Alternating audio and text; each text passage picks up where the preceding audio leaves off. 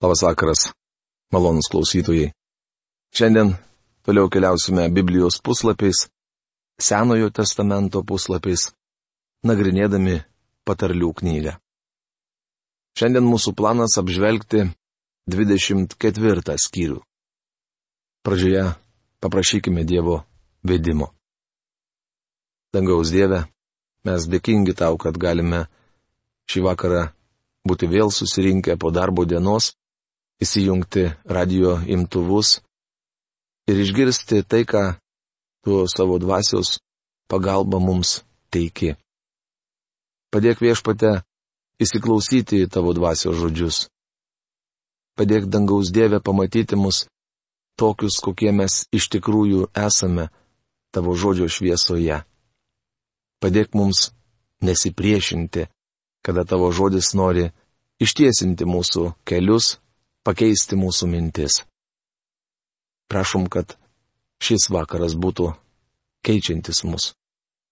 Prašom, kad šio vakaro prisilietimas prie tavęs, buvimas prie tavo kojų būtų naudingas kiekvienam, kuris klauso šios radio programos. Jėzaus vardu. Amen. Taigi 24 skyrius. Jau minėjome, kad paties Saliamono parašytos ir surinktos patarlės sudaro didžiausią patarlių knygos dalį. Taigi dabar skaitysime paskutinį šios dalies skyrių. Po to apžvelgsime antrąjį Saliamono patarlių rinkinį, kurį sudarė Ezekijo vyrai.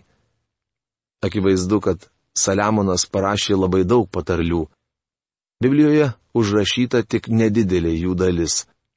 Dar kartą pakartosiu, kad patarlis - tai labai glaustai išsakytos svarbios dvasinės tiesos. Tai principai, kuriais galime ir turėtume vadovauti savo gyvenime. Blogiems žmonėms nepavydėk ir su jais bendrauti nenorėk, nes jų širdis masto apie smurtą, o lūpos kalba apie žalą. Patarlių knygos 24 skyriaus 1-2 eilutės. Apie tai jau buvo kalbėta anksčiau. Matome, kad patarlių autorius pakartoja tai, kas svarbiausia. Šioje knygoje daug kalbama apie piknaudžiavimą liežuviu, puikybę ir kvailą elgesį. Šie dalykai nuolat pabrėžiami, nes gyvenime tai labai svarbu. Juos praktikuojančių žmonių gausu ne tik New Yorko gatvėse, bet ir jūsų mieste. Štai kodėl aš sakiau, kad šioje knygoje rasite patarlių, tinkančių kiekvienam savo pažįstamam. Psalmininkas Asafas mąstė apie tuos pačius dalykus kaip ir Saliamonas. 73 psalmėje jis rašo nes aš pavydėjau pagirūnams, matydamas jų gerovę, nors jie nedori. Mirtingųjų triūsas jų nevargina. Jie nesikamoja kaip kiti žmonės.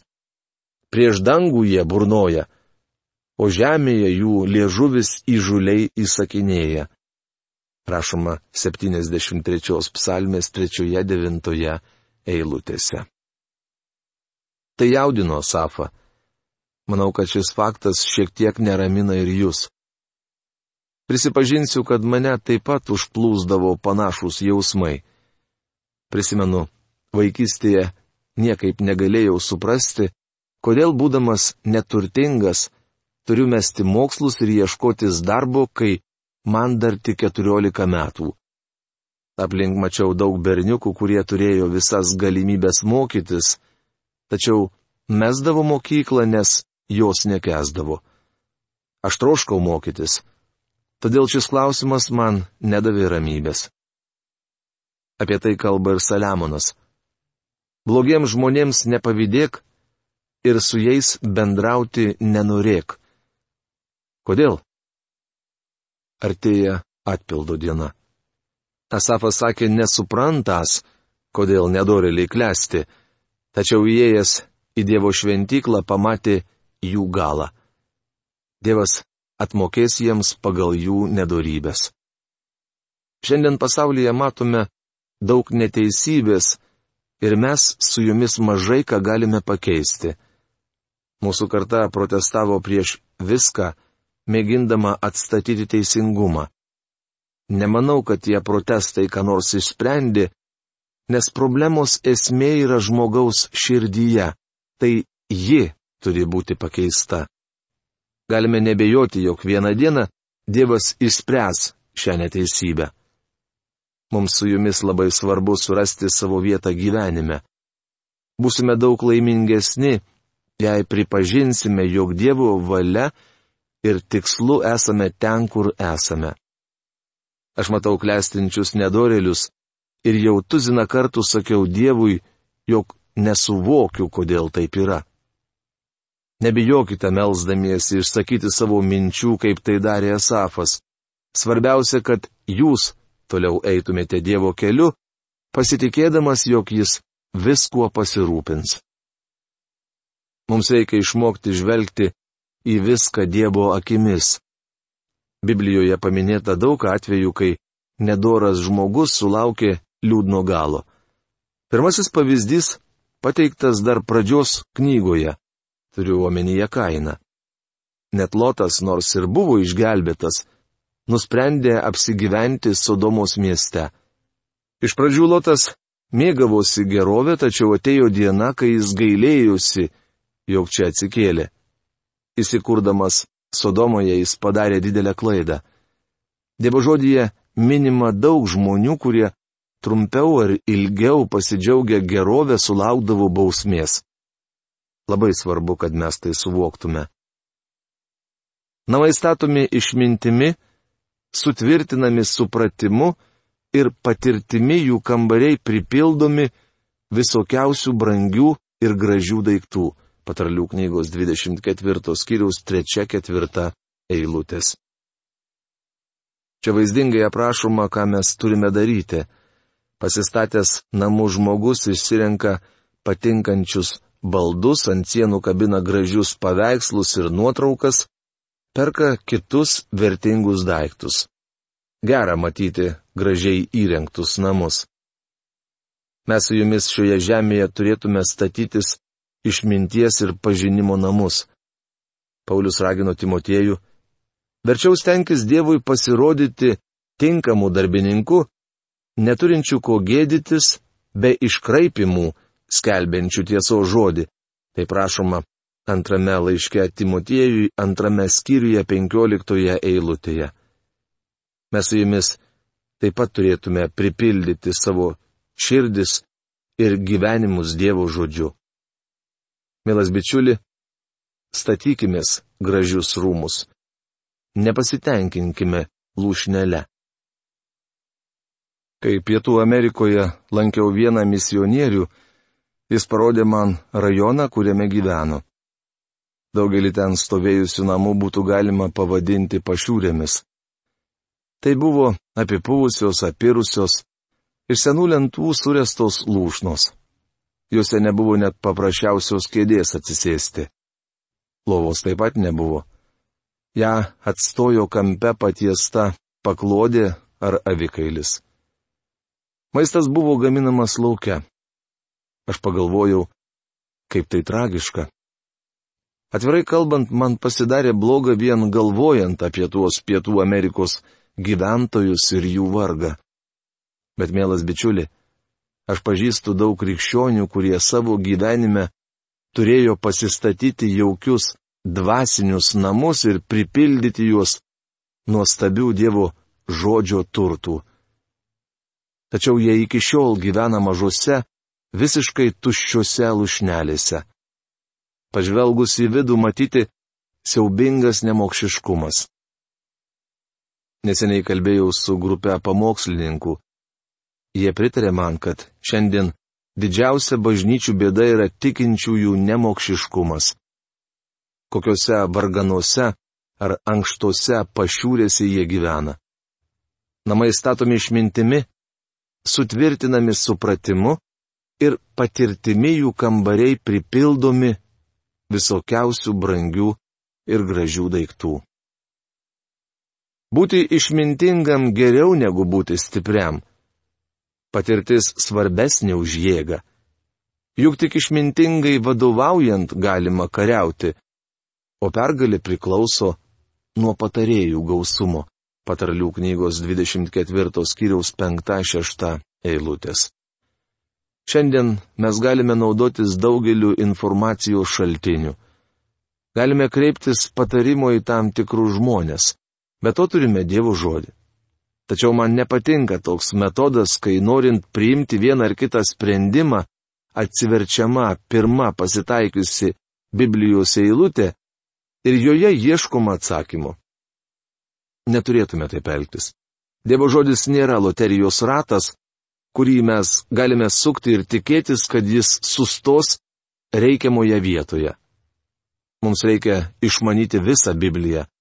Turime skaityti Mozę, Jozuę, Samuelį, Dovydą, Michėją ir Zacharyją, Mata, Paulių ir Joną. Visi jie yra mūsų patarėjai. Kas kart, kai norime kažką nuspręsti, galime kreiptis į juos visus. Jei susidūrė su sunkumais, netenki drąsos, nes trūksta jėgų. Patarlių knygos 24 skyriaus 10 eilutė. Patarlių autorius pabrėžia svarbę tiesą. Vyrišką darbą turi atlikti vyras. Sena patarlė sako, niekada neduok berniukui vyro darbo.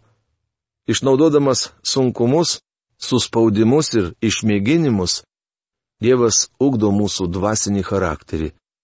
Šitaip jis įgalina mus aukti. Mūsų dvasinė stiprybė atsiskleidžia išmėginimo valandą. Mes galime pasiguosti tuo, kad daugelis Dievo vyrų susidūrė su išbandymais įsigando. Elijas buvo labai drasus ant Karmelio kalno, tačiau sužinojęs, kad Jezabelė ieško jo ketindama nužudyti, pasileido bėgti. Jis kodė dykumos link, kol pasiekė Beršebą. Palikęs tenai tarną, Elijas visą dieną ėjo į dykumą. Priejas kadagi, atsisėdo po juo ir tarė, viešpatė, leisk man numirti. Taip užrašyta pirmoje karalių knygoje 19 skyriaus ketvirtoje eilutėje. Kai karalius Saulis medžiojo Dovydą, šis neturėjo kada atsikvėpti. Jis sakė, jog yra medžiojamas kalnuose kaip kurapka, todėl vieną dieną bus sučiuptas ir nužudytas. Dovydas neteko drąsos. Tačiau tiek Elijas, tiek Dovydas sunkia valanda patyrė viešpaties sustiprinimą. Jeigu susilaikai gelbėjęs pasmerktuosius mirti ir gynęs vedamus į žūti, Jeigu sakai, mes nieko apie tai nežinojome, tai argi tas, kuris sveria širdis, to nepastebi? Tas, kuris saugo tavo gyvasti, žinos ir atlygins kiekvienam pagal jo darbus. Patarlių knygos 24 skyriaus 11-12 eilutės. Čia kalbama apie žmogų, kuriam jūs galėjote padėti ir žinote, jo galėjote. Galbūt kažkam galėjote paliudyti Kristų ir esate vienintelis žmogus, kurio jis būtų paklausęs. Neseniai kalbėjausi su vienu vyru, kuris jaučiasi esas atsakingas už artimo žmogaus savižudybę. Jis sakė, žinojęs, jog turi kažką daryti. Aš manau, kad kiekvienas jaučia didelę kaltę dėl to, kad turėjo kažką daryti, tačiau nepadarė. Viešpats Dievas ištiria širdis.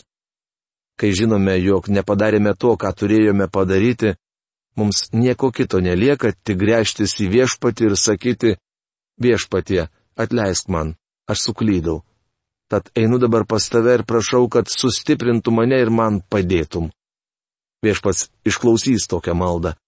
Jis išlaisvins žmogų iš liūdėsio ir graužaties dėl nesėkmės. Įsidėmėkime šią svarbę patarlę ir padėkime tiems, kuriems reikia mūsų pagalbos. Juk nors teisusis septynis kartus parpuola, jis vėl atsikelia, o nedorėlių užklumpa nelaimė, patarlių knygos 24 skyriaus 16 eilutė. Nors teisusis septynis kartus parpuola, jis vėl atsikelia. Skaičius septyni simbolizuoja pilnatvę.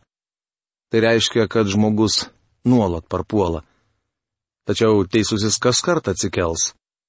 Toks žmogus buvo Simonas Petras. Tačiau atkreipkite dėmesį, kad antrojoje patarlės dalyje sakoma, o nedorėlį užklumpa nelaimė. Taip atsitiko Judui.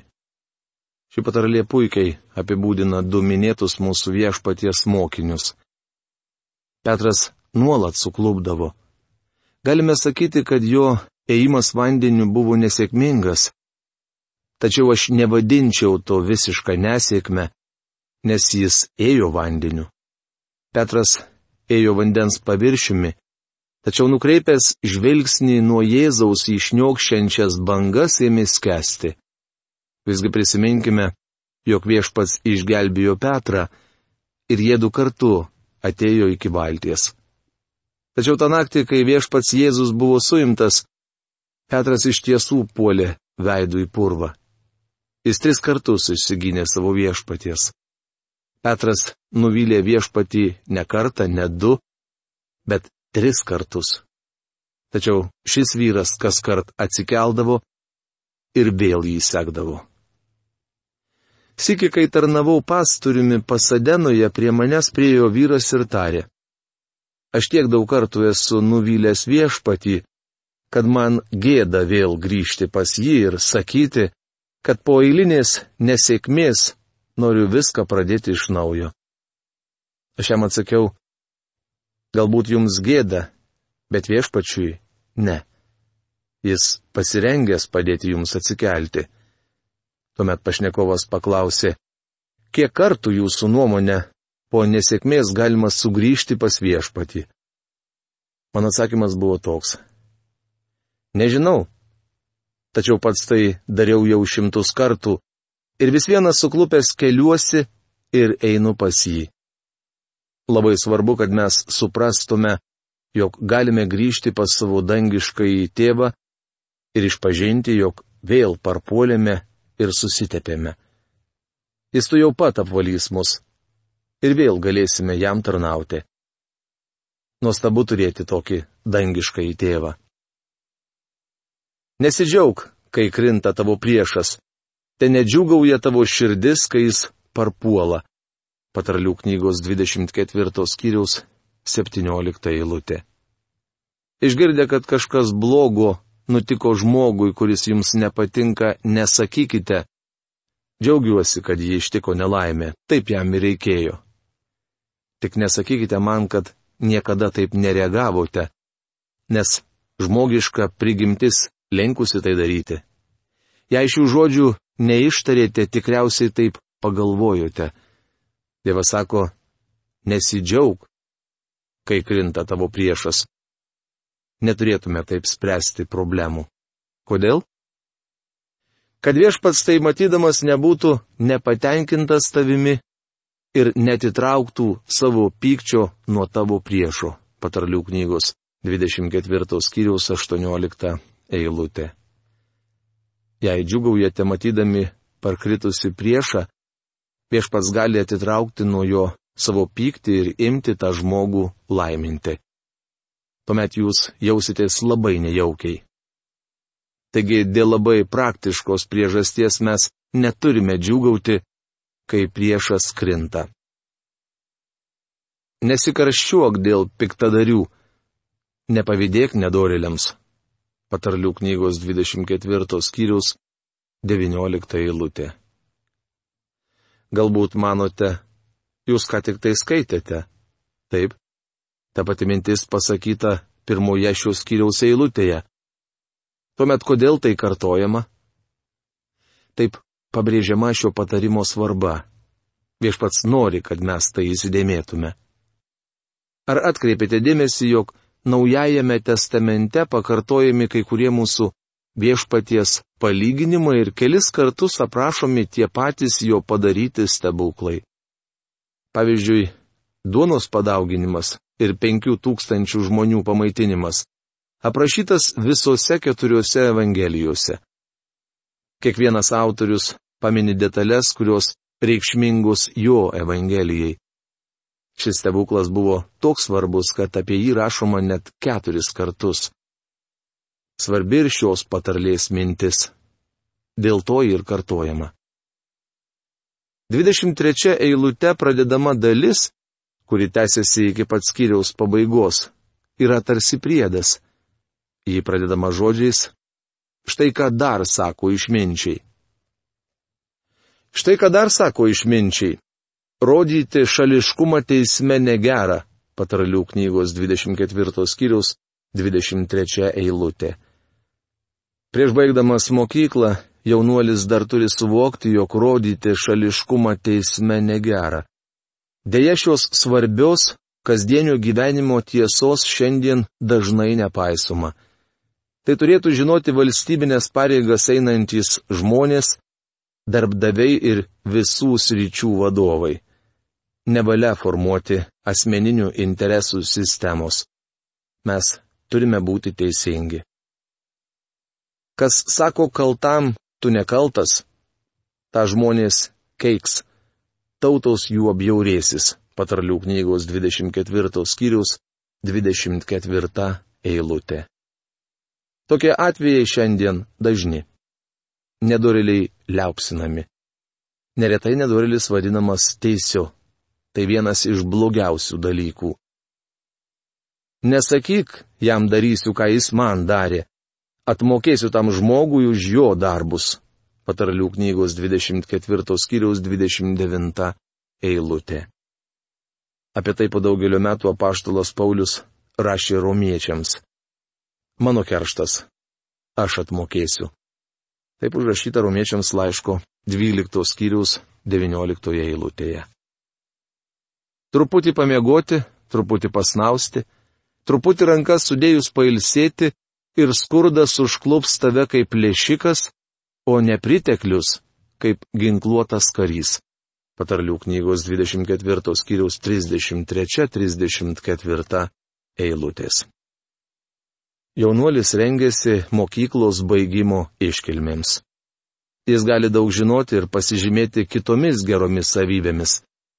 Bet jei tingės dirbti, tai bus didžiausia jo įda. Mėlas klausytojai, šios dienos laidos laikas baigėsi. Iki greito sustikimo. Sudie.